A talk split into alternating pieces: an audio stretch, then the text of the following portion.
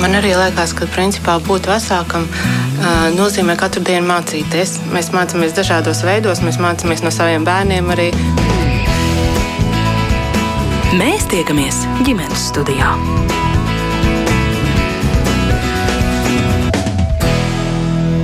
Labdien, skanējumu sāk raidījums ģimenes studija, un šai raidījumā šai reizē, šai dienā jūs sveicina producenta Sarmīta Kolāte, aizkadrā strādā arī Toms Šits un Katrīna Bramberga, bet šeit studijā pie mikrofona esmu es Agnese Drunka. Atvaļinājums, nu tas vārds tiešām skan saldi kā tādas zemenes ar putu krējumu, nu ja tā padomājam, tie ir tie laiskie vakari, vēlie rīti, nesteidzīgas dienas, ceļojumi, atpūta. Jā, no vienas puses puses. Iespējams, tā ir tomēr rīvēšanās strīdi, nespēja vienoties.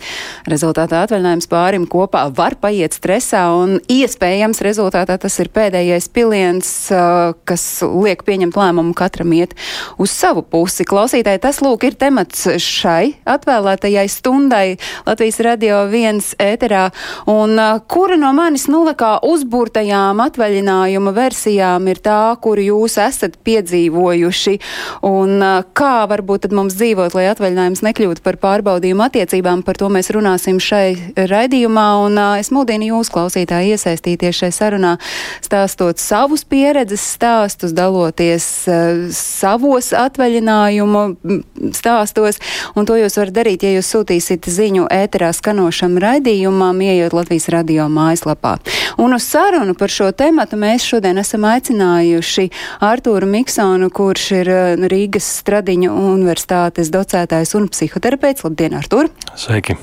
Un attālināt mums šai sarunā pievienojas arī Kristīna Balode, kliniskā psiholoģija ar specializāciju seksoloģijā un partnerattiecību terapijā. Labdien, Kristīne! Labdien! Nu, redz, Latvijā katram strādājošajam nu, oficiāli pienākas uh, vidēji četru nedēļu ilgs atvaļinājums. Uh, dzīves priecīgajiem francūžiem tās ir piecas nedēļas. Nu, varbūt, ka viņiem šķiet, ka viņi var ilgāk atpūsties, un jo tu ilgāk atpūties, jo tu pēcāk esi ražīgāks, un iespējams mums tomēr latviešiem tas darba tikums ir pāri visam. Uh, Kas mums ir atvaļinājums? Kamēr jūs klausītāji paši sev atbildat uz šo jautājumu, kas ar to jums ir atvaļinājums? Paķērs izbrīna. Uh, es teikšu, tas noteikti pa gadiem ir mainījies. Uh, agrāk es teiktu, atvaļinājums tas bija um, iespēja atpūsties no darbiem, paņemt brīvu laiku mazliet sev, bet jāatzīst, pirms kaut kādiem gadiem, diviem, trim noteikti tas bija tāds. Es negribu teikt, ka tas bija piespiedu kārtā. Es neesmu no tiem cilvēkiem, kurš jāatzina atvaļinājumā, ir, bet noteikti es nebiju tas, kurš atvaļinājumu laicīgi plānoja, diemžēl. Un tas, protams, noveda pie tā, ka tu pārstrādājies, tu izdeici, tu saslimsti un piespiedu kārtā paņem to atvaļinājumu. Tad eh, šobrīd cenšos laicīgāk viņu vai nu gada sākumā vai gada vidū uz priekšu ieplānot, paredzot darbus, kas būs uz priekšu, kas ir laiks bikīt attieknot no visu, ko tu ikdienā dari, restartēties, uzlādēties, padarīt varbūt kaut kādas lietas, kam līdz tam tik daudz laika nebija, kaut kā man negribētos, lai Um, man pašam vienā brīdī tas atvaļinājums ir tikai tas brīdis, kad tu dod laiku sev. Līdz ar to tas ir um, nu, tā tāds, laikam, šobrīd tāds kā restarts um, no, no visa, kad es tiešām esmu iemācījies ir off no visiem telefonu zvaniem, visām īsiņām, visiem e-pastiem, jo es to esmu darījis, kā jau teicu, graduāli iepriekš, jā, tas atvaļinājumā, bet nu, tā ātri atbildēšu uz e-pastu. Es atvaļinājumā. Tas atdod, tas ir no tā sērijas stāsts, atdod vēl no mazo pirkstiņu, viņš vienkārši beigās paņem visu roku. Man tas bija pārbaudījums pēdējā, burtiski tikko maijā atvaļinājumā, kad uh, pienāk zvanu, un es pirmo reizi, manuprāt, biju uzlicis uh, automātisko atbildētāju gan uh, e-pastiem, gan īsiņām, ka manis vienkārši nav. Kaut gan iekšēji bija tāds, ai, nu, nu, ja nu tur ātrs jautājums kaut kāds bija tāds, Artur, nē, tu esi atvaļinājumā, tev ir jāatpūšas. Artur, jūs tomēr esat tas čaklais latvietis. Uh, ko, Kristīna, jums nozīmē atvaļinājums? Kas jūsu izpratnē ir uh, atvaļinājuma veiksmes formula? Nu, es jau varētu teikt, ka nu, jau būs droši vien uh, kādi gadi, desmit kopš nepiekopja atvaļinājumu kultūru, bet vairāk šo sabalansēto uh, um, ikdienu, kurā es tās savas darba dienas struktūrēju, viņas mēģinot kaut kā maksimāli sabalansēt ar to, lai man nav jāgaida viens konkrēts atvaļinājuma laiks, bet būtībā gan katru dienu skatoties, lai es nepārsniedzu kaut kādas tās optimālās darba stundas, kurās es arī esmu objektīvi produktīva. mācoties daudz dažādas atpūtas, varbūt tā kultivējot dažādas atpūtas ieradumus, kas ir šo, tūdaļ un šeit un tagad no tādi pieejami, jo ņemot vērā tādu pietiekoši radošo manu darbošanos, tad es teiktu, ka man tāda atvaļinājuma sistēma, viņa laikam īsti nefunkcionē, jo ir brīži dzīvē, kad vienkārši man tīri labi patīk krietni pārstrādāties, un ir dzīvē brīži, kad es ļoti izbaudu to, kad es esmu krietni pārstrādājoties, sastrādājusi sev iespēju arī krietni atpūsties, varbūt nekorekti ilgāk nekā nu, tā ierastos vidēji standarta aritmētiskajā kaut kādā skaitīšanas sistēmā. Nu jā, man patīk vairāk šī ideja par uh, septiņu dienu vīkendu. Un līdz ar to es pamazām arī ņemot vērā, ka es nodarbinu sevi pati, varu to tā mēģināt ieviest. Ko dzīvē. nozīmē septiņu dienu vīkends? Nu, tas nozīmē, ka tu visu laiku esi tādā vieglā uh, darba un atpūtas sabalansētībā. Jā. Jā, jā, tādā vieglā sabalansētībā, protams, ikdiena ir ikdiena, un es pieļauju, ka cilvēkiem ar ģimenēm un bērniem tur ir vēl viena noslodze. Nu, mums jau neiet runa tomēr pieaugušā vecumā ļoti bieži par mūsu darbu un mūsu brīvo laiku, bet arī kā mēs kooperējam visas tās vajadzības, kuras, uz kurām pretendē ģimenes institūcija un bērna prūpe, bet, nu, es teiktu, ka noteikti tas ir šis te tāds harmoniskākais, sabalansētākais darbā ritms, vienalga ar ģimeni vai bez, viņš noteikti arī uzrāda labākus rādītājus saistībā ar izdegšanu un nu, tādu visādiem veselības izaicinājumiem, kas seko izdegšanai. À, tad jūsos klausoties, es saprotu, ka tas, ka es, piemēram, šodien uz vienu pusstundiņu piesēdu izdzert ledus kafiju un palasīt grāmatai trīs, četras lapuses, darba dienas vidū man par to nav sevis jāšaust. Es varu teikt, ka es esmu arī kaut kādā ceļā uz to, ka var šīs septiņas brīvdienas būt arī nedēļas viducī, piemēram. Bet mūsu šodienas fokus ir uz pāra attiecībām atvaļinājumu laikā.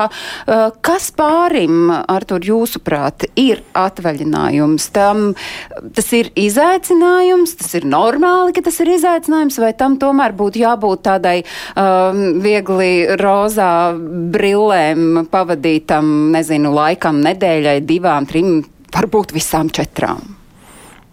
Lai gan tā pirmā atbilde, kas nāk prātā, tā ļoti politiska, visi iepriekš minētie. uh, bet es domāju, uh, secīgi viens otru nomainot. Es domāju, tas ir pilnībā normāli, kad uh, attiecību sākuma posmā, kad ir šīs rozā brilles, kad tas atvaļinājums tiešām ir ar rozā brillēm un viss ir fantastiski un burvīgi. Un ja tiešām pašā attiecību sākumā kaut kāds kopīgs atvaļinājums ir, tad viņš dabiski var um, radīt sajūtu, no vienas puses daļai patiesu, bet kaut kur varbūt mazliet tādu maldinošu, nu, kad šādi būs arī visas tās attiecības. Ja jau reka mums tik forši viss šeit saskan, uh, kamdēļ lai nesaskanētu apmēram tajās uh, no attiecībās pēc tam. Piedod, piedod, piedod, uh, sākuma periodā, nu tad uh, kurā brīdī mums ir jāsāk skatīties tā, tā, tā, cik tas sākuma periods ilgs nu, var ilgt? At, atkarīgs, protams, no pāri, bet lielākoties tie būs kaut kādi pirmie mēneši, kad, nu, teiksim, tā sāk parādīties tā reālā dzīve, kad reka, mēs ik pa laikam randiņā esam un tiekamies, un tā tā ikdiena kaut kur uzpeldienā brīdī. Bet tad, manuprāt, ir normāli, ka šo te rozā brīļu periodu vienā brīdī, nu, tagad mums tās ikdienas attiecības jau rullē lēnā garā, un tad, manuprāt, ir pilnīgi ok, tas rozā brilles ir malā, kad tas um, atvaļinājums vai kaut kāds izbrauciens Viņš var būt arī ārzemēs, viņš var būt tepat uz vietas, kļūst par izaicinājumu, jo mēs šobrīd esam bez rozā brillēm un ieraugām to otru partneri eh, citādā kārā kursā, citā vidē, citos apstākļos, ko mēs pirms tam nevarējām redzēt. Nemaz. Līdz tam, manuprāt, tas ir tīri normāli, ka tas ir izaicinājums eh, pārim eh, tādā nozīmē, ka uh, ieraudzīt otru un saprast, ko tas man nozīmē, ka es ieraudzīju viņu šādu, kā es pats šajā atvaļinājumā jūtos ar otru, kā es pats vispār uzvedos. Tad ir normāli, ka tas šeit ir kā izaicinājums un jautājums kā mēs viņam tiekam šeit pāri. Ko mēs proti ar to darām? Jā, un eh, ka, ko mēs ar to darām, kā mēs tiekam pāri, un gribētu teikt, kādu tā teikt, nu, kādus pamatus vai mēs ieliekam, kā tas notiks uz priekšu. Mēs, protams, to varam mainīt, bet ļoti bieži eh, sāks veidoties kaut kādi jau, nu, angļu sakot, kaut kādi patērni vai iezīmes mums jau, kā mēs to darīsim. Un ja šeit jau veidojās, piemēram, ka um, kādreiz nesen, kādreiz, teiksim, bija viena pacienta, kura jau kopš sākta gala, ka viņi ir braukuši kaut kādos ceļojumos ar vīru, visu vienmēr ir darījusi. Viņa visu ir pirkusi, visu plānojusi, lielākoties viņš ir finansiālo daļu nodrošinājis, bet viņa ir tā, kas vienmēr visu ir plānojusi. Un šobrīd pēc gadiem 15 tas ir mazliet pieriebies. Viņa grib, lai viņš tagad kaut ko maina, par ko dabiski vīrs ir neizpratnē, jo, nu, paga, Nu, Bet es... par ko tas liecina? Šādi var būt. Es jā, pieļauju domu. Tas jā. nozīmē, ka te ir viss attiecībām krusts pāri, vai tomēr tas mm. risinājums ir? Nē, risinājums ir, bet tas grūtākais šeit ir uh, saprast to, ka šis modelis, kurš ir strādājis 15 gadus, ir nu, ļoti iecementējies, un viņš acīm redzot kaut kādu iemeslu dēļ abiem diviem ir bijis izdevīgs. Gan viņai to, ka ir šī skaidrība, viņa ir ieplānojusi visu un var nepieļaut kaut kādu neizdošanos, ka vīrs kaut ko neieplāno, kaut kāda nesanākšana tur ir, un vīram savukārt ir izdevīgi, viņam liek nekas no jādara, jo sieva viss ir nodrošinājusi. Tātad no tā sākuma veidosies jau kaut kādi patērni, kā mēs šos atvaļinājumus. Um, vadīsim šī gadījumā. Uz priekšējot attiecības jau kaut kādi pirmie gadi, teiksim, iet, gribētos teikt, ka, nu, nu, nevajadzētu būt tā, ka jau pēc kaut kāda, teiksim, labi, gada diviem, kad katrs atvaļinājums ir kā izaicinājums tā gan es nedomāju, ka vajadzētu jau būt. Tad tas jau varētu iezīmēt to, ka nu, mēs kaut kur nesaprotamies īsti. Mēs kaut kā varbūt mēģinām eh, otru mainīt, negribam otru pieņemt, negribam paši piekāpties kaut kur. Mēs turpinam rīvēties. Ir viens atvaļinājums, otrs, trešais, ceturtais, un mēs nevaram saprasties īsti. Tad gan varētu runāt atkal nevis krusts pāri, bet šis ir kā indikators, kaut kas nav. Un jautājums, vai tas kaut kas nav tikai par atvaļinājumu, vai tas ir kaut kas par ikdienu jau. Bet šajā atvaļinājumā, nu, tad visas šīs jūtas var sākt nākt uz āru. Jo tajā šobrīd. ikdienā iespējams vienkārši nav vaļas eh, tik daudz laika kopā pavadīt. Kristīna, par ko jūsuprāt liecina tas, ka atvaļinājums ir vienlīdzības zīme ar izaicinājumu? Par ko, par ko tas liecina attiecībās? Nu, es teiktu, mēs ļoti ātri aizmirstam, ka attiecības ir dzīves organisms mūsu izvēlētā laika nogriežņa garumā. Un tāda iepazīšanās vienam ar otru, kā nepārtraukti atjaunojoša, attiecības atjaunojoša, un atkal tā patās kā līdzīgi lidmašīnā mēs iečakojamies pirms lidojuma, um, pārformulējoša pieredze ir tā, kas ļoti bieži trūkst un mēs aizējām tādās automātiskās ekspektācijās, ka tam vajadzētu būt tā, kā kaut kad mēs sen sen atpakaļ esam tur izdomājuši, kā tas funkcionēs. Tā kā es teiktu, vairāk tur reizēm tas ir ar to mm, aizmiršanu, ko es gribu vairāk. Es gribu vairāk redzēt filmu, vai es gribu kopā ar tevi redzēt kaut ko.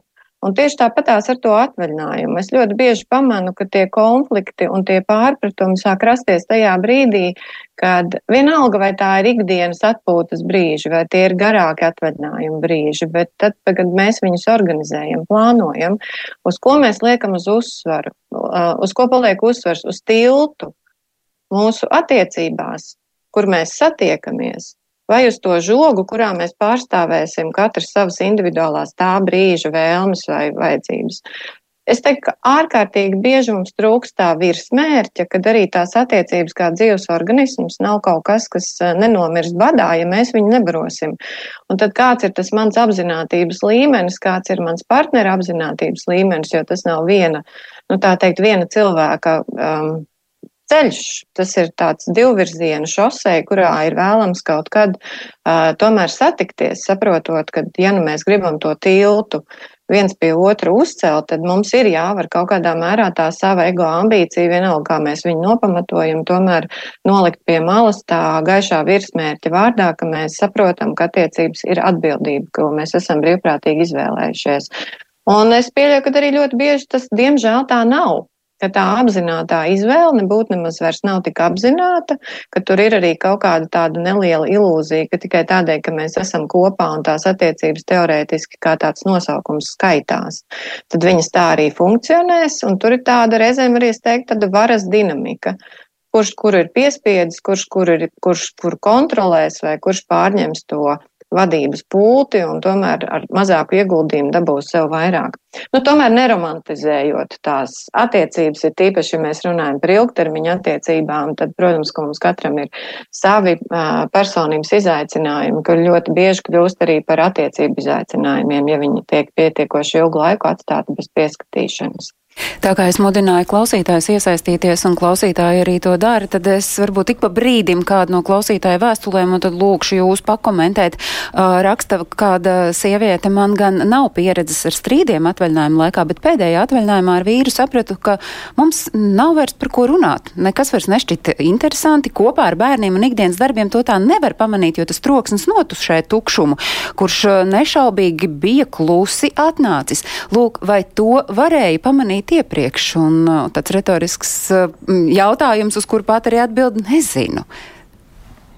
Protams, ka var pēc būtības jau, nu, ka viņi saka, tas ikdienas troksnis un bērni un kaut kā darbi, kaut kas tas jau viss ir nācis lēnām. Man ļoti patika Kristīna šis piemērs par tādu um, augošu organismu, kurš attīstās, un te ir tas pats, un te jautājums, vai mēs ik pa brīdim tā kā, nu, tā kā mazliet ap, apstājamies un to organismu papētām, apskatām viņu no malām, kā viņš izskatās. Bet varbūt kas ir tādi, tādi ikdienas signāli tam, ka mēs esam tuvu tam, lai mēs atvaļinājumā saprastu, ka mums nav vispār vairs par ko parunāt. Kas ir tie ikdienas signāli, lai mēs nenonāktu līdz tam atvaļinājumam? Nu, jautājums ir, nu, šī gadījumā, nu, teiksim, bija tā atklāsme, beigās mums nav par ko runāt. Tad jautājums ir, par ko jūs runājat ikdienā, jūs savā starpā, vai tie ir tikai tādi, nu, praktiski pārspiežami jautājumi. Tātad tu veiklā biji tur, tā tu puiku meiteni vai toreiz brauc tur, tu dari to, kas ir svarīgi attiecību sastāvdaļa, lai arī nebūtu atkal tās pašas expectācijas. Es taču domāju, ka tu brauksi, vai tev taču vajadzēja nopirkt. Ja? Arī šo vajag nokomunicēt. Bet, ja šo praktisko noliek malā, tad um, kas mūsu starpā notiek, ko mums kopā patīk darīt, kā mēs viens par otru jūtamies, kas tev ir, kas man ir, kas varbūt mainījies pa šiem nezinu, mēnešiem, gadiem. Ir, ja šādus jautājumus vispār neuzdod, tad ir pagrūti. Bet bonusā, protams, ir jāatcerās, ka ne visi cilvēki pratīs un spēs vienādā līmenī par šo runāt. Tas ir ļoti bieži, ko stereotipiski, bet, diemžēl, tas piepildās. Dāmas grib biežāk runāt, kungi tā kā mazāk, un brīžiem viņas grib, lai tas viņu dzīves biedrs tur stāsta visām savām sajūtām, kas Atklāja un kā visu notiek. savu sirdi. Jā, un tur ir tur tās divas galējības, es novēroju. Viens ir, var tiešām pretī būt kungs, kurš tiešām nemāca, tiešām neprot, vai viņš nevēlas runāt par šīm sajūtām un jautājums, vai mēs varam to respektēt un pieņemt tik daudz, cik viņš var izstāstīt tajā brīdī.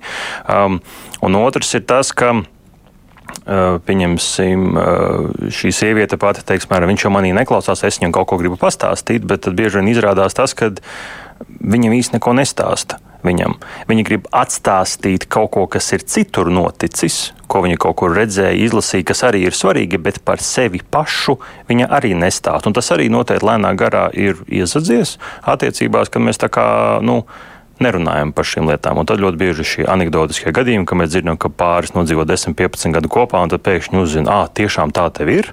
Aha. Tāpēc, ka tas nav. Tā nav bijusi kā vērtība. Attiecībās runāt ir bijusi vērtība braukt, darīt, pelnīt, rīkoties, kas arī ir svarīgi. Bet kopsumā precīzi jau klausītājiem man šķiet pati apraksta, ka līdz tam tajā skrejienā tu to nepamani. Tad mēs sēžam abi divi pludmalē, vai pie baseina, skatāmies viens uz otru un a ko? A ko runāsim? Un es domāju, ka arī šo nevajadzētu uztvert kā signālu, nu viss, nu re, nav ko runāt. Nu, varbūt šeit sākat, varbūt tas skrējiens ir bijis līdz tam tiem bērniem tāds, ka nav bijusi iespēja apstāties un pasēdēt un parunāt. Tad varbūt tagad sākt, hei, kā tev iet? Kā tev bija šis laiks, ir re, kur mēs beidzot esam? Nu, kur tad mēs esam? Kur mēs ejam tālāk? Kristīna var papildināt, kā tad uh, tikt pāri tam mirklim, ka tu saproti, nu vāks, nu man ar šo cilvēku nekā cita par to, kurš kuru bērnu cikos un kur aizvedīs un ko ēdīsim vakariņās, tā īsti nav par ko runāt. Um, es teiktu, tāds mans novērojums, ka mēs reizēm gribam iztēloties, ka mēs esam viens otram tuvāk nekā patiesībā esam. Un tad sākās tā problemātika. Ja es eju pa ielu un redzu svešu cilvēku, es tā kā neeju viņiem klāt ar kaut kādiem ļoti personiskiem jautājumiem vai stāstījumiem par sevi. Ir vēlams, ka mēs jūtam attālumu un adekvāti uz viņu reaģējam. Ja es jūtu to partneri tik svešu, tad es varbūt sāku ar ideju, tad es mēģinu aktualizēt risinājumu, jo nevienam nepatīk ilgstoši atvaļinājumā runāt par problēmām un risinājumu nēsamību. Nu, un tad varbūt mēs esam gatavi sākt runāt paši par sevi saistībā ar šo ideju un šiem risinājumiem. Es teiktu, ka mēs reizēm pārāk, tad, kad jau mēs esam labi pastrādājuši, tas jau, ko jūs brīnišķīgi pacēlāt to jautājumu, ka tas jau nenotiek vienā dienā. Svešums neiezogās vienā dienā. Varbūt tur nekad tuvība nav bijusi, un mēs kā pāris kaut kādu ilg, ilgstošāku laiku nodzīvojot kopā saprotam, ka īsti tās mājasaimniecības pašatīstības lietas arī vairs nav tās, par kurām mēs nepārtraukti gribam runāt. Un tur mums pat gribētos zināmā mērā kaut kādu celibātu beidzot, jo cik tur var visu laiku, tur jau ir aizgājis tādā automātiskās darbībās par to runāt un runāt. Bet ir šie te jautājumi, kur iespējams pirmkārt nekad nav vispār cilāti, tīpaši divdzimumu attiecībās. Kas ir iespējams tas, kur mēs līdz šim konkurējām? Tie jau tie vīrieši, tās jau tās sievietes. Un līdz ar to mums nevar notikt satikšanās, jo ir katram kaut kāds priekšstats, kas ir, ir tās aktuālās tēmas vai arī forma reizēm, kā mēs runājam, ka mēs nevis gribam tagad strīdēties vai vienoties, kuram no mums ir taisnība, bet es saku mazliet atkāpties un mācīties būvēt tos tiltus, kā mēs vispār kā divi pieauguši cilvēki spējam uzturēt tēmu kāda ir mūsu komunikācijas kultūra, kas tur varbūt ir iztrūkstoši mūsu prasmēs un iemaņās, vai, piemēram, elementārs pacietības trūkums, kur viens runā, runā, runā, un otrs varbūt tur formulējās, bet nekad netiek pie vārda. Un arī es teiktu par to stereotipu, ka tie vīrieši nerunā. Tomēr strādājot ar pāriem un arī ar dažādu dzimumu un identitāšu pārstāvjiem, es teiktu, tur vairāk reizēm ir jautājums par to, kāds ir klausītājs, nevis ka kāds no mums nerunātu. Ja no es tomēr dzīvoju sociumā un esmu kaut kā realizējusies vai realizējies, tad acīm redzot arī runājošā sarunvaloda, nu nav tā, ka man ir galīgi neattīstīts instruments. Bet iespējams šajā konkrētajā salikumā vai nu šī kultūra vispār nekad nav tikusi attīstīta, vai nu tur ir kaut kas, kas reāli viņu izaicina. Un tajā brīdī, kad mēs atrisinām pašu šo neesošā elementa, nu, tādu neesamību, tad arī mēs varam sarunāties. Bet es teiktu, ka viss viss tas uzstā, kā lai saka, viss tas neadekvātākais reizēm ir kā negribēt redzēt realitāti. Tas ir ok, ka mēs esam dažādās pozīcijās savā dzīvē.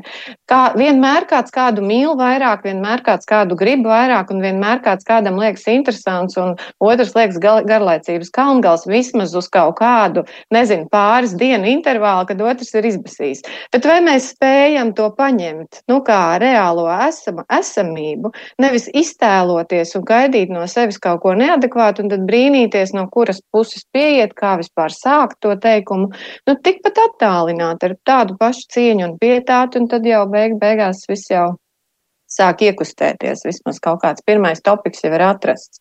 Kaut vai tas pats klusums. Kā nu. tas ir, ka mēs te tā sēžam un ir klusums jau otro stundu? Un tad varbūt paskatīties uh, vienam otram acīs.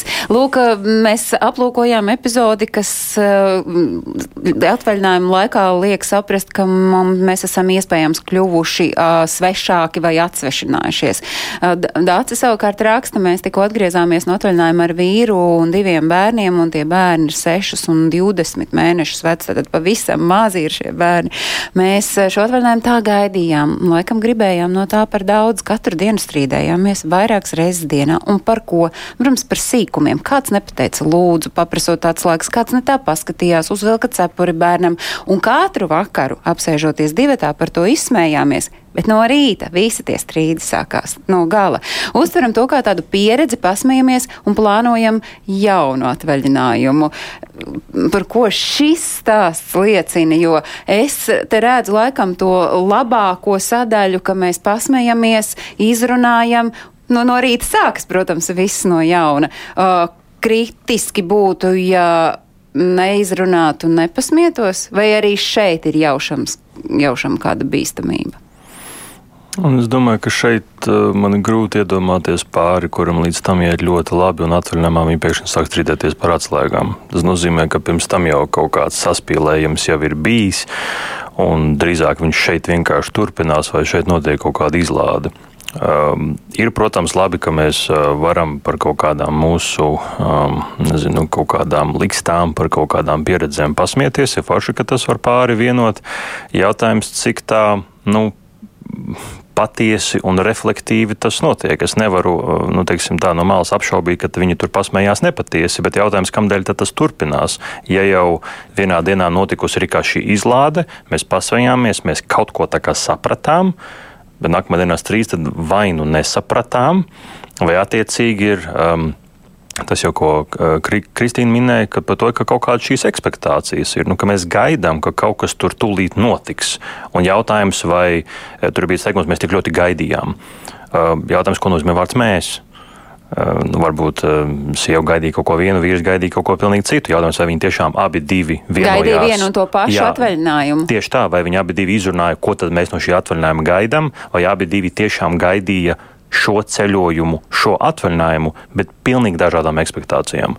Kad es gaidīju, ka tu darīsi to, es gaidīju, ka tu darīsi to, es gaidīju, ka gala mērķis būs šāds, un tad, diemžēl, nevis saskarties ar to, ka varbūt tiešām ir kaut kāda šī liksta un mēs kaut kā mēģinām to kopsaucēju atrast, ka nu, nu, nu ir. Nu, tā viesnīca nav labākā. Nu, pazaudējām atslēgas. Nu, kā mēs mēģinām tikt tagad galā, bet kaut kā svarīgāk ir kā izstrīdēties. Un strīdiem ir sava vieta, un reizēm kašķi vajag. Tas reizēm progresu veicina attiecībās. Bet, ja viņš ir tāds konstants visu laiku, tas, manuprāt, kaut ko parāda par to pāri dinamiku. Es nemācīšu pateikt, ko tad viņiem sīkāk tur jārunā, ir, bet uh, katrā ziņā. Mm, kaut kāda spriedzīta tur ir. Jautājums par ko? Nu, tas ir tas, kas vispār es visā, ko jūs līdz šim esat sacījuši. Nu, nav jau tā, ka tas atvaļinājums ir kaut kāds atrauts no mūsu dzīves, un tad tagad, nu, tur, skaidrs, ka tur parādās tas, kas ikdienā ir vai nu jau veidojies, vai nu ir bijis neizrunāts, bet, nu, ja mēs runājam par tām gaidām, Kristīna, kā jūsuprāt, varat dokumentēt šo epizodu un vispār par to, ka, nu, ir tā, ka mēs daļa cilvēku uh, kapā vienkārši to gadu, un tad, nu, tad tajā atvaļinājumā es atpūtīšos, un tad tās gaidas vienkārši kaut kur pačākst. Nu, pēc būtības jau vispār tas, ko mēs redzam, kad cilvēkam, lai viņš ieietu atslābumā, nu, lai viņš vispār sāktu tai atvaļinājumā reāli būt, tas jau arī viņam prasa kaut kādu laiku. Un tad noteikti vienmēr ir tas, um, nu, kā lai saka, atkal tā ekspektācija, uh, vai tad man tā izdodās, nu, kaut vai, piemēram, uh, mūsdienās cilvēki bieži sūdzās par sliktu miegu. Un varētu domāt, ka tas miegs kā ķieģels uz galvas man uzkrīt un paņem man sev līdzi. Nu, nē, tas tomēr ir pam, nu, pakāpenisks atslābuma process, kurā es ļauju sev iemigt. Tieši tāpatās jau tas atvaļinājums. Tas, ko es uh, saklausīju, varbūt, kas man šķita tāds uh, pieminēšanas vērts um, komentārs saistībā ar, ar ar to, ko jūs lasījāt. Jaunie vecāki, manuprāt, vispār ir tāda atsevišķa kategorija, ko mēs reizēm aizmirstam, ka viņi jau mācās arī vispār dzīvot tai attiecību savādākajā formā, ka tur ir trīs stūris, tur ir četras stūris, sadalīt to uzmanību. Un vēl viens jautājums, ar ko es ļoti bieži nu, saskaros savā darbā, kad Um, problēma jau nav ar tām atslēgām, problēma iespējams arī nav ar to viesnīcu, bet problēma ir ar kaut kādiem lielajiem jautājumiem, ko mēs pāri attiecībās necilājam. Un viens no izbraukuma lielajiem jautājumiem vienmēr ir seksuālās attiecības. Un kas ir ar to seksuālo attiecību dinamiku? Kurš ko gaida, Kurš ko ir sacerējies, ka tas notiks, kurš mēģina no tā izvairīties, un reizēm konflikts ir ļoti labs instruments, kā izvairīties no kaut kā, jo, nu, apmēram tādā sliktā noskaņojumā uz šādu noskaņu jau neviens adekvāts cilvēks nekādu tur no intīmu tuvību nemeklē, un neko mums darīt nevajadzēs. Tā kā tas mans novērojums, ka tur noteikti ir vērts iečakoties, vai nav kaut kādas romantiskas ekspektācijas, seksuālas ekspektācijas kuras gribot, negribot, ņemot vērā, ka mēs beidzot esam tajā savādākajā vidē. Tad vēl mēs tie, tiešām esam labi mums ir labi iepārdot šis atvaļinājuma sapnis, jeb spā sapnis, ka tagad mēs tur aizbrauksim, un tad mums tur viss beidzot notiksies, tad mēs aizbraucam, un realitāte rāda, ka tur jau spriedzi ir mašīnā vai lidmašīnā, un bērni, protams, to jūt, un viņi raud divreiz vairāk un, un, un dara visu kaut ko nu, vēl vairāk, lai eskalētu to, to situāciju. Tā kā es tomēr ieteiktu iečakot pamatlietas partnerattiecībās, tomēr šis nav mazsvarīgs aspekts. Vien vienalga, vai mums ir tikko dzimuši bērniņi, vai viņi jau ir apvēlušies, vai mēs esam pāris bez bērniem. Bet es teiktu, ka jebkura veida atvaļinājuma un izbraucieni parasti pāriem tomēr saistās ar kaut kādu veidu šīm te ekspektācijām. Un mēs viņus nevaram atrisināt runājot par kaut ko citu, par laikapstākļiem, brīnišķīgām viesnīcām, gardām maltītēm un ekskursijām, kurās mēs dosimies. Tie ir jautājumi, kuri ir diezgan tieši jāspēj viņus celt, ja nē, tad viņi kā tādi zemūdens ēnkuri var nogremdēt jebkuru citu sarunu. Tā kā Un mēs tur daudz ko jaunu varam uzzināt viens par otru patiesībā. Kā tad mēs to bijām iedomājušies? Nu, proti, tad tas jūsu ieteikums būtu, klausās, vienkārši no apsēsties diviem pieaugušiem cilvēkiem un vienkārši pirms tā atvaļinājuma izrunāt, nu kas tad būs, ko mēs darīsim, kā Ārturs nopūtās pie mani jautājumu. es nopūtos kam dēļ, jo. Um, kaut kur prātā man bija eh, šī ideja, ko Kristīna stāstīja. Viņu daudz labāk man noteikti iz, izverbalizēja par to, ka tiešām tur ir tie intimitātes un seksualitātes jautājumi. Bet, ja mēs pieņemam, ka viņi pirms tam jau kaut kur tur virmo, tad, lai gan šī ideja, ko jūs sakat, ir tā labākā, kad vajadzētu tiešām piesēt vismaz ceļojuma kontekstā, izrunāt, ko tad mēs gaidām no viņa. Nu, proti, nevis ko mēs gaidām, nu, kur mēs iesim, ko mēs apskatīsim un ko mēs ēdīsim, bet ko tu gaidi no šī ceļojuma. Tas ir atslēgas jautājums, bet es vienkārši domāju, tas ir jautājums, kā, nu, liekas, nu, normāls jautājums, bet pārim, kurš nekad par šo nav runājis, tagad, ko tu gaidi, nu, es nezinu, cik, cik bieži intīmas attiecības tu gribētu redzēt šajā atvaļinājumā saruna pirms tam nav bijusi, tad viņi vēl vairāk to pāri nu, kaut kādā veidā vienkārši noslēgs pēc, pēc būtības. Un, Uh, es domāju, ka ja pirms tam jau kaut kāda problēma šajā sfērā ir bijusi, tad um, nu, šāda jautājuma pacelšana vēl vairāk nu, kā, um, radīs spriedzi tajā atvaļinājumā. Jo ideālā scenārijā pēc būtības mēs esam nu, kaut kur par šīm vēlmēm intīmajām runājuši. Un, nu, kaut kādā ideālā scenārijā mēs varam šajā atvaļinājumā, kur ir šī brīvība kaut kāda lielāka, mēs varam šīm te baudām ļauties. Bet, ja pirms tam viņas ir tādas, es kaut ko gaidu, es tā kā īsti negribu, es gribu, bet kā man paprasīt, kā man pateikt nē, un ja šeit jau katram savā individa līmenī ir kaut kādas problēmas, tad tieši kā Kristīna arī minēja, ka nu, tas izies uz āru citādākos strīdos kaut kādos, vai tas strīds kalbos kā attaisnojums vai kā izlāde. Tā jau ir cita saruna. Bet, um, es teikšu tā, tā problēma biežiem pāriem varētu būt, ka iespējams pat reizēm spriežot par to, kur tad kā mēs tajā ceļojumā dosimies, kaut kur apakšā ir slēpts tas jautājums par to intimitāti.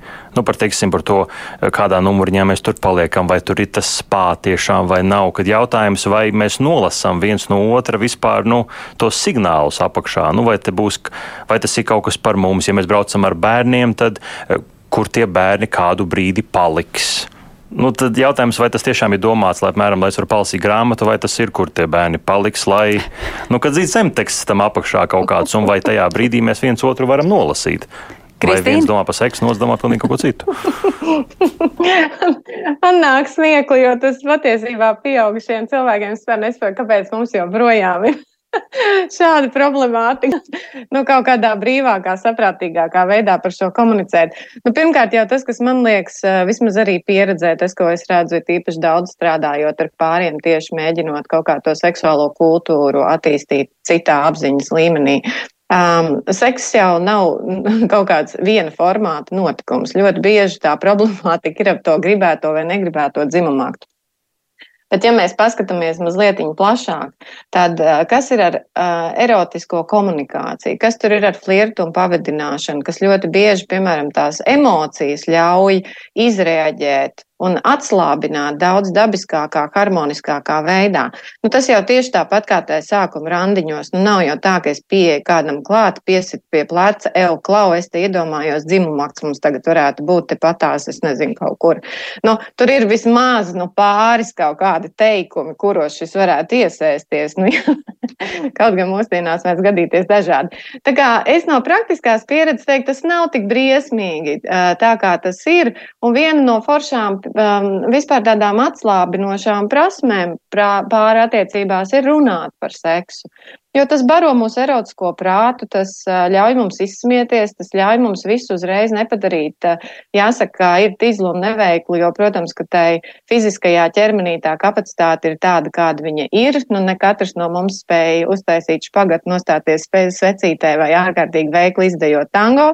Tā kā mēs esam tur, kur mēs esam, nevajag arī kaut kādā tādā ilūzijā par sevi dzīvot, bet šī komunikācija par un ap erotismu, par un ap pieskārieniem, par un ap uh, maigumu, par un ap kaut kādu stimulāciju, kurai pēc būtības jau tādā korektā veidā netraucē arī tie bērni, kuri turpat ir. Un tad tā seksuālā tuvība, viņa pirmkārt tiek noņemta, nu kā tas drauda topiks, ko ir jātur spriedzē kaut kur zem galda, un jāskaita, cik mums vēl palikušas dienas vai cik vēl stundas, un vienam noteikti jau šauj ārā korķus, un otrs savukārt domā, Puh, tūdaļ būs izsprucis cauri, es jau braucu mājās. Bet uh, tad, kad viņš tomēr ir pacelts elementārā, nu, tādā cilvēciskā formā uz galdiņa, tad viņš paliek maigāks, mīnāks un vairs nav tas briesmīgais bubuls. Un pēc būtības viņš arī dod to, tīpaši par jaunajiem vecākiem domājot, viņš parasti dod to enerģiju, kas viņiem tik ļoti trūkst, tīpaši jaunajām mamītēm ar tiem mazajiem bebīšiem, kur ir bijis ļoti daudz fiziska pieskāriena.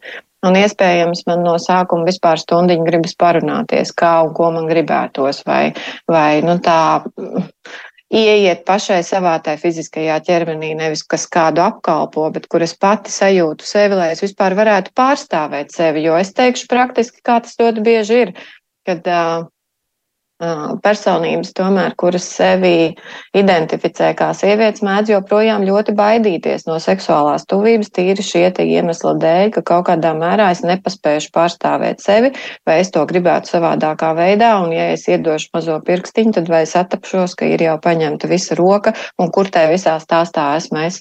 Tā kā divdzimuma attiecībās tas joprojām ir sāpīgs jautājums, kādēļ seksuālā komunikācija arī verbālā ziņā nav tik viegla un vienkārša, tādēļ, kad šī sievietes uh, vajadzības ļoti bieži tiek definētas kā priekšspēle, ar ko neviens negrib nodarboties, un tā ir saistīta ar sarunāšanos, ar erotiskas telpas radīšanu, ar flirtu, ar pavadināšanu, ar ķermeņu sasinhronizēšanos. Mēs neieskrienam deju zālē, nepaķeram pirmo garām gājēju un nevaram nodejot nes kādu tur pirueti. Ir jāsaprot, ka arī ķermeņiem ir jāsajūtās droši, un tad tur ir tas lielais jautājums arī, kas pāru attiecībās ir ar fizisko kontaktu kontaktu. Jo arī fiziskais kontakts mums ļoti daudz ko var pateikt, ap ko mums varētu būt konflikti. Iespējams, mēs pieskaramies pa maz, iespējams, mēs pieskaramies pārāk agresīvi, iespējams, mēs pieskaramies kaut kādā patērējošā veidā, un līdz ar to arī šī te romantiski erotiskais aspekts, viņš kļūst tāds viegli bīstams, un ar, protams, ar laiku viņš tikai apaug un apaug ar komplicētību. Bet uh, es no pieredzes teiktu, ka noteikti sarunas pāru starpā, nu jau ir krietni, krietni uzlabojušās arī par šīm te tēmām, nu tas nav, nav vairs pietiekoši ilgu laiku strādājuši šajā jomā. Es teiktu, ka Reizēm mums gribās turēties pie veciem ieradumiem, tieši tādiem pašiem, kā latvieši ir darbaholiķi.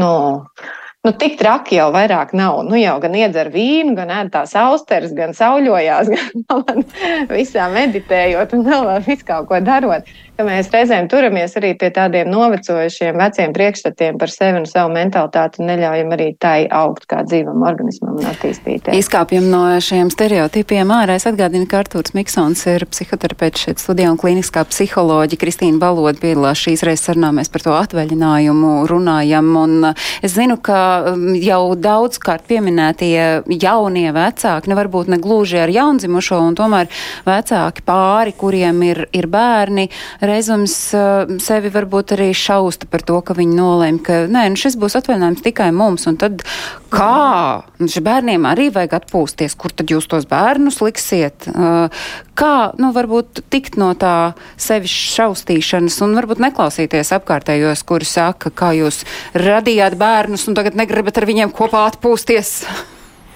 Man laikam no savas klīniskās pieredzes šādu stāstu ir daudz mazāk. Daudz vairāk kā reizi ir um, vecāki, kuriem ir nu, jauni bērni, teiksim, kaut kāds pusotrs gadiņš, divi, trīs. Tur es daudz vairāk novēroju kā reizi, ka biežāk teiksim, pacients, kur uh, teiksim, sievietes, kuras stāsta, ka viņas īsti. Nu, to, to sākuma domu viņas tā kā nepasaka, līdz tam mēs nonākam lē, lē, lēnā garā, ka kādreiz gribas to ceļojumu visiem kopā, visiem kopā, un kaut kā visur tur pavīt, kad rodas jautājums, kamdēļ ne no ar vīru. Nu, kamdēļ ne reku mūsu pāri attiecības, kamdēļ visur kopā ir. Un tur bieži vien iezīmējās, ka uh, viņam diezgan grūti ir vienkārši no tā bērna atdalīties.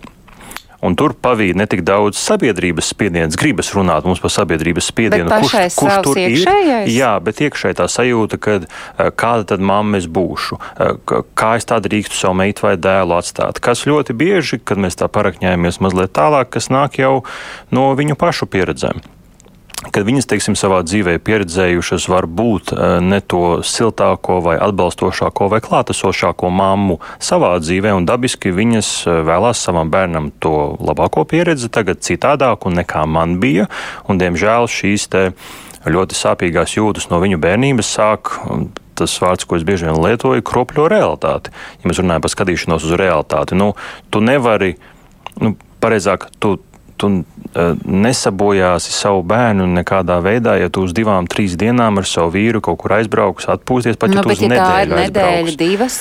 Arī nē, protams, atkarīgs no bērna vecuma. Ja mēs runājam par, nezinu, zīdēnīti, kuram ir seši mēneši, tad, protams, ka nē, viņam tā māma ir nepieciešama, bet kā reiz burtiski šodien bija, teiksim, viena pacienta, kura dodās nedēļas atvaļinājumā savu vīru, un viņa ļoti pārdzīvo par to, ka, ah, ja nu tas bērns raud, Nu, ļoti labi. Tas nozīmē, ka viņš emocionāli izrēģē to, ka māma klāt nav un jāpavada laiks ar Opu un Omi kopā. Ir, bet, uh, Opis un Omi ir tuvi cilvēki un līdz tam pazīstami, forši pavadīts laiks, bet viņai kā reiz bija tā iekšējā sajūta, bet, bet ja nu es būšu vajadzīga.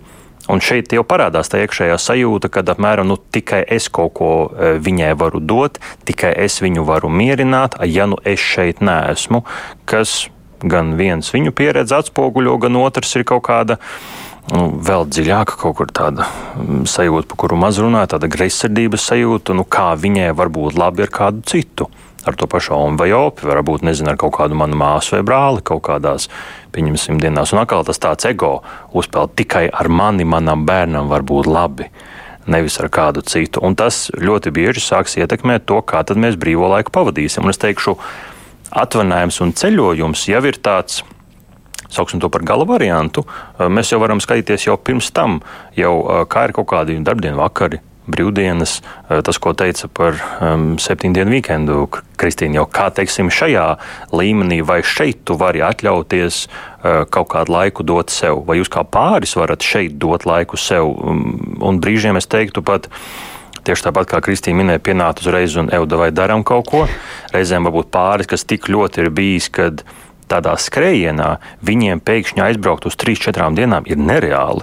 Nu, tīri mentāli tas nav reāli. Viņiem būs tik milzīga vainas izjūta un pašpārmetuma, ka viņi neaizbrauks, viņi neatpūtīsies tur. Līdz ar to, ja tāda milzīga piesaiste pie tā bērna izveidojas, kuru grūti atdalīt, ir, tad sākam pakāpeniski. Pa stundiņai, pa divām, kaut kādi vakari, rīti grāmata, pastaiga, vēl kaut kas, un ejam līdz tam ceļojumam. Nevis tagad aizbrauciet, un jums viss būs labi. Nu, Varbūt kādā retā izņēmumā tiešām kaut kāds klikšķis ir un atverās un atpūšās, bet es teiktu, biežāk nāks novērot, ka tur ir tas, kas iepriekš tika aprakstīts. Ko jūs sakāt par to, ka kopīgā atvaļinājuma daļa, kas ir ar vīru, ir arī attiecību krīzes risināšana? Mēs abi to apzināmies un esam tam gatavi, un viss parasti atrisinās un beidzas atkal ar rozā brillēm, un tas mums strādā jau 25 gadus, tā mums raksta klausītāji, nu, mēs jau apzināti saprotam, ka tagad tas laiks kopā, nu, tad mēs te mēģināsim risināt visu, ko gada griezumā iespējams neesam risinājuši. Ko jūs sakāt par to?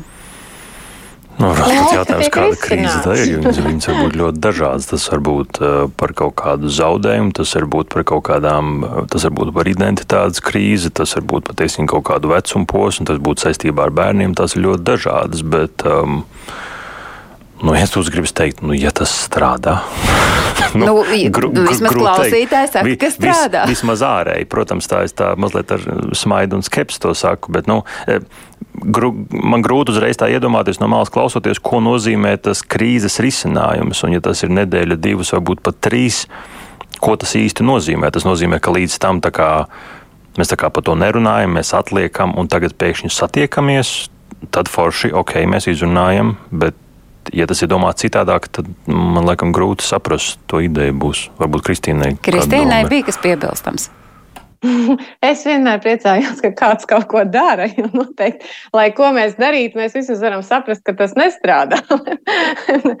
Bet uh, tas, kas man nāk prātā, um, nu, realitātē jau, protams, kad uh, ļoti bieži tā situācijas izvēršās tā, ka mēs īsti neveltam to laiku mm, sasāpējušo jautājumu aktualizēšanai. Un ņemot vērā, ka atvaļinājumi, tīpaši, ja tie ir plānotie ceļojumi, kur vienam no otra īsti nav kur aizmukt, jo nu, tas tomēr prasa beigo konfliktu, lai īrētu blakus istabiņu un iet gulēt tur.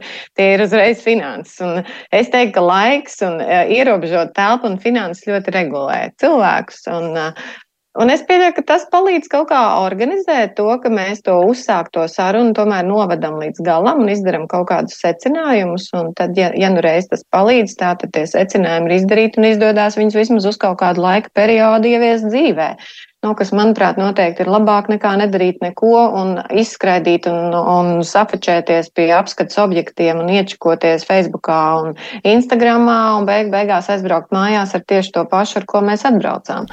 Tā kā, nu, jebkurš kontakts, jebkurš tilts, manuprāt, ved uz risinājumu un tas, ka mums ikdienā reizēm nav šī struktūrētā laika, tas arī reizēm rada tos sāsinājumus, jeb tās krīzes, bet, nu, krīze pēc būtības jau ir izaugsmas augsne. Tā kā ir jautājums, vai mēs viņu viņu to redzam kā iespēju, vai mēs viņu redzam kā kaut ko, kāpēc ar mums tā notiek un kas ar mums nav kārtībā. Bet es vēl gribēju mazliet pieskarties tam. Uh, tam iepriekš paceltajam jautājumam, kas, manuprāt, ir būtiski par to atdalīšanos no bērniņiem, kad es pieļauju, ka sabiedrība nu jau ir izaugusi savā tādā apzinātībā par attiecībām arī līdz tam līmenim, ka mēs saprotam, ka ar to, ka mēs neveltam laiku savām partnerattiecībām, nemācam bērniem, ka tas ir laiks, kurš ir jāvelta un nespoguļojam viņiem, kā tās attiecības veidojās, viņi arī nevar iemācīties uh, savā dzīvē to praktizēt. Un es teiktu, tas ir tāds jaunais pienākums vecākiem sākt domāt, kā mēs saviem bērniem attainojam tieši partnerattiecību aspektu. Jo līdz šim mēs ļoti lielu uzsvaru esam likuši uz ģimeni kā institūciju, kuri uh, savā ziņā kalpo uh, nu, um, visu ģimenes locekļu interesēm, bet es tomēr gribētu akcentēt, ka tas uh, jauninājums mūsdienās tomēr ir arī bērniem nodot mantojumā nevis kaut kādu aseksuālu dzīvesveidu, neromantisku, kur mēs tikai runājam par mājasēmniecības lietām, bērnu vajadzībām, bet tīri praktizējot pašu savas attiecības, savu autonomo laiku no bērniem, savu vienpatības laiku, mēs bērniem mācam adekvātāku pašaprūpi un adekvātāku um, attieksmi pret partnerattiecībām un arī um, mainam viņu ekspektācijas, kā tas varētu notikt, jo Savā praksē es ļoti daudz saskaros tieši ar šo tukšumu, ka mums nav bijusi tā pieredze. Mums paprast par vecākiem kā par vecākiem, mums ir ļoti daudz kas ko teikt, bet kad mums paprast par vecākiem kā par partneriem, kā par sievieti un vīrieti, kur, kuri uh, ir veidojuši savstarpējās attiecības un kas, kā tad viņi to ir praktiski darījuši un ko mēs esam redzējuši. Tur nav atmiņu, tur nav uh, reāli, nav materiāli, no kura man varētu veidoties kaut kāda kultūra, prasmes un iemaņas, kā vispār sevi nokomunicēt, izņemot konfliktus kaut kādā adekvātā, harmoniskā, patīkamā, iespējams pat jautrā un, un interesi raisošā veidā. Un pavisam īsi mums ir palikušas pāris minūtes. Vai jūs redzat, ka ir arī iespēja atpūsties, būt kopā pārim, bet atpūsties katram atsevišķi? Es domāju, ka nu, viena ceļojuma atvaļinājuma ietvaros var, bet es pilnībā piekrītu Kristīnai, ka ir sarežģītāk. Nu, sāk, sāksim ar to, kur, kurš kā paliek, bet tur es domāju. Nē, nē, nē es domāju, bet vispār, nu, mēs nolemjam, tagad mums ir atvaļinājums, nu, pieņemsim trīs vai četras nedēļas. Nu, nu tu brauc uh, makšķerēt ar čaļiem, es uh, ar meitenēm braukšu savā ceļojumā. Tas arī par kaut ko liecina. Um, ka. Nu, es tomēr aizstāvētu ideju, ka man šķiet tas ir pilnīgi normāli, kam būtu jābūt arī attiecībās, ne tikai tādos garākos atvaļinājumos, bet arī ikdienā kad uh, ir laiks mums kopā, ir laiks, teiksim, ja bērni, tad bērniem un laiks katram arī sev. Tas, ko ļoti bieži mēs aizējam tādā bikīta nebūtībā, ka ir nu, vai nu tikai kopā, vai tad nevar būt nekāda citādāk. Jo redz, pasties uz viņiem Instagramā, viņi visu laiku visur ir kopā. Ja?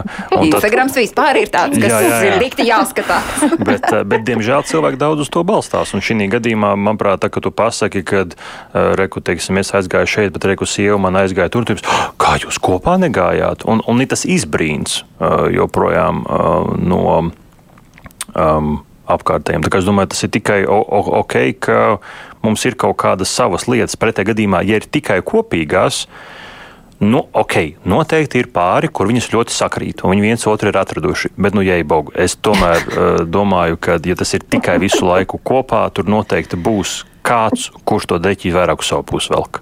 Un tas ir tikai laika jautājums, līdz vienā brīdī tam pārim sākās kaut kāda rīvēšanās. Jo pateikt īsti, es gribu savu, nevar um, panākt to, ka mēs kopā darām kaut ko to, kas man arī nē, nu, un tad ir kā ir.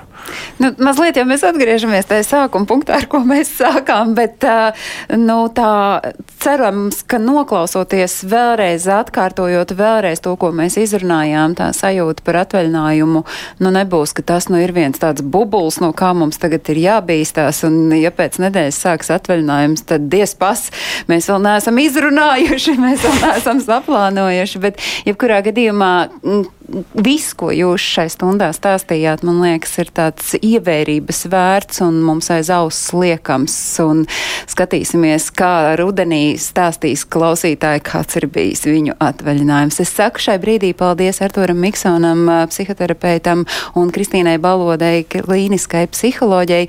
Es paldies saku arī kolēģiem, kur strādāja pie tā, lai šis rēdījums izskanētu.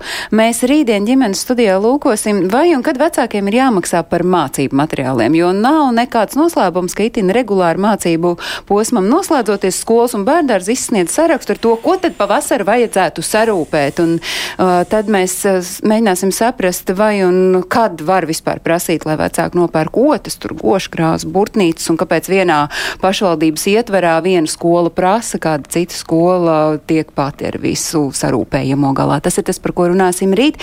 Atgādinu, ka no diviem līdz trījiem skanam arī podkāstos mobilajā lietotnē un sekojiet ģimenes studijai sociālajās vietnēs. Paldies un lai visiem ir jauka atlikusī dienas daļa. Tā.